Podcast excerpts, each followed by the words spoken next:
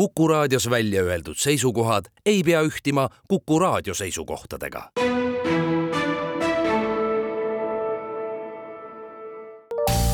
terviseks. Saadet toetab Lääne-Tallinna Keskhaigla, vaata ka keskhaigla.ee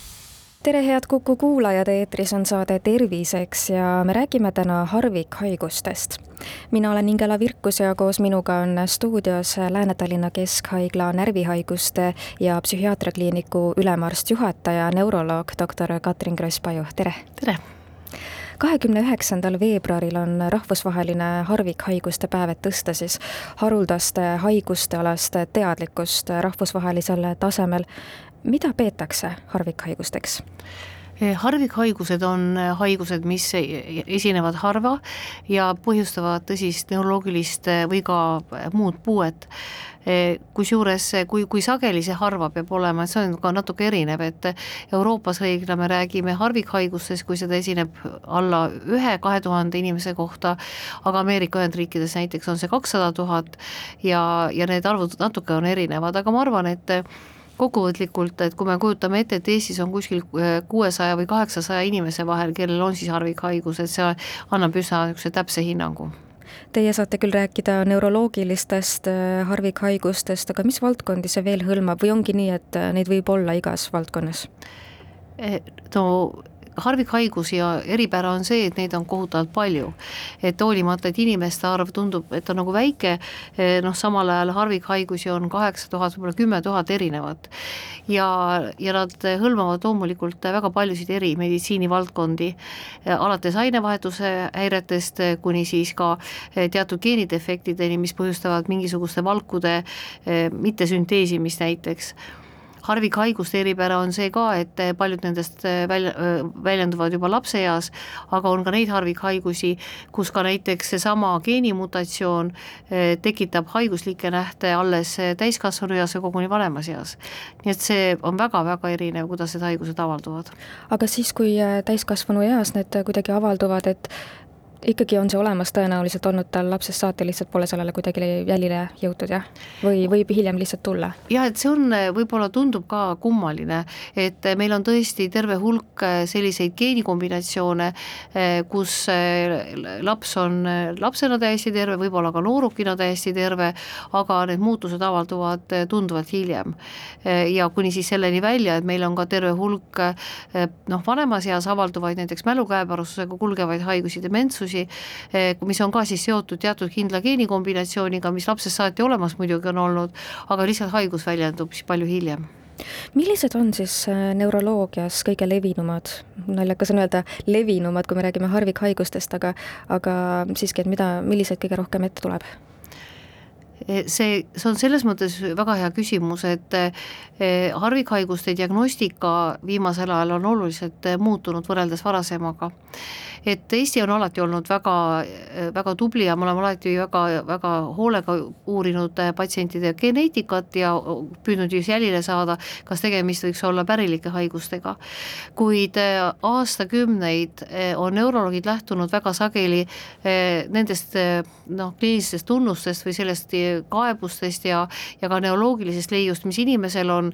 ja püüdnud nii-öelda ära arvata, et eh, milline, kas selle taga võiks siis olla mingi geneetiline haigus ja kui, siis milline aga see on eh, võib-olla pannud ka meid natuke ühekülgsesse olukorda, et me taas uurime ikkagi ühe ja samasuguse eh, kliinilise pildiga, ühe samasuguste kaebustega ja probleemidega inimesi ühe ja sama probleemi suhtes. nii et viimase aja uuringud, kus meil on võimalik vaadata geenimuutusi palju laiemalt kui ainult üks või, või paar geenimuutust, ongi siis toonud meid selleni, et eh, me avastame, et eh, need geenimuutused võivad anda ka väga-väga erinevaid probleeme inimestel, täpselt üks ja sama geenimuutus võib põhjustada väga erinevaid probleeme. ja see on nüüd see koht, kus, kus me peame hoopiski rohkem läbi mõtlema võib-olla oma, oma ka noh, nii-öelda haigete käsitluse või ka need uuringute plaanid ehk et ikkagi lähtute sellest, et on olemas mingisugune viide juba mingisugusele eh, diagnoosile, aga tegelikult võib seal taga olla hoopis mingi täiesti uus haigus? Võib nii ka olla. Ja, ja, ja muidugi see on väga erinev, et, et ega need klassikalised äh, olukorrad, kui lapsel on mingisugused arenguprobleemid näiteks ja nad peavadki pöörduma ju lasteneuroloogile ja, ja pediaatrile ja, ja loomulikult, et on suur hulk äh, lapse, lapseeas algavaid haigusi, mis nii avastatakse, on ka suur hulk äh, lapseeas algavaid haigusi, kus oluliselt lüheneb ka selle lapse eluiga ja kus on ka siis teada need geneetilised põhjused. aga teisest küljest eh, võib-olla rohkem, kui me täiskasvanute neuroloogiasse vaatame, on meil selles mõttes uus olukord, et ühelt poolt meie vanad nii-öelda tuntud eh, geenimutatsiooni või geenimuutused tingivad palju erinevaid eh, neuroloogilisi sümptome ja palju erinevaid probleeme inimestel ühelt poolt, aga teiselt poolt ka, et eh, võib-olla osad nendest haigustest, mida me oleme noh, nii-öelda kergeteks haigusteks pidanud, on, on ka siiski geneetilised kui me ikkagi nimetame mõned konkreetsed harvikhaigused, siis milliseid teie olete oma tööpraktikas kohanud? Noh, neuroloogias,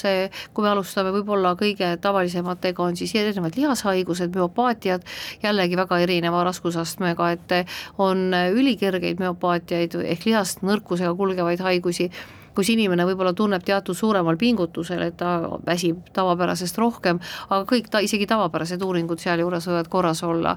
enamus nendel inimestel muidugi ei ole siis sel juhul ka mingit lihashaigust, aga on siis teatud, teatud viited, mis viitavad, et ikkagi seal taga võib midagi olla.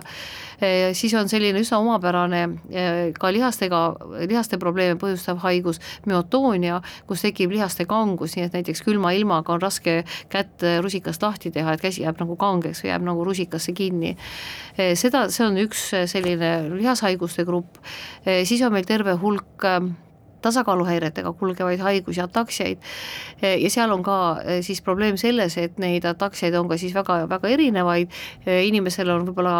kaebused ühesugused, et on tasakaaluhäired, mis süvenevad. Ja paljudel nendel ataksiatel on leitud juba konkreetsed geenimutatsioonid, mõnedel siiamaani leitud ei ole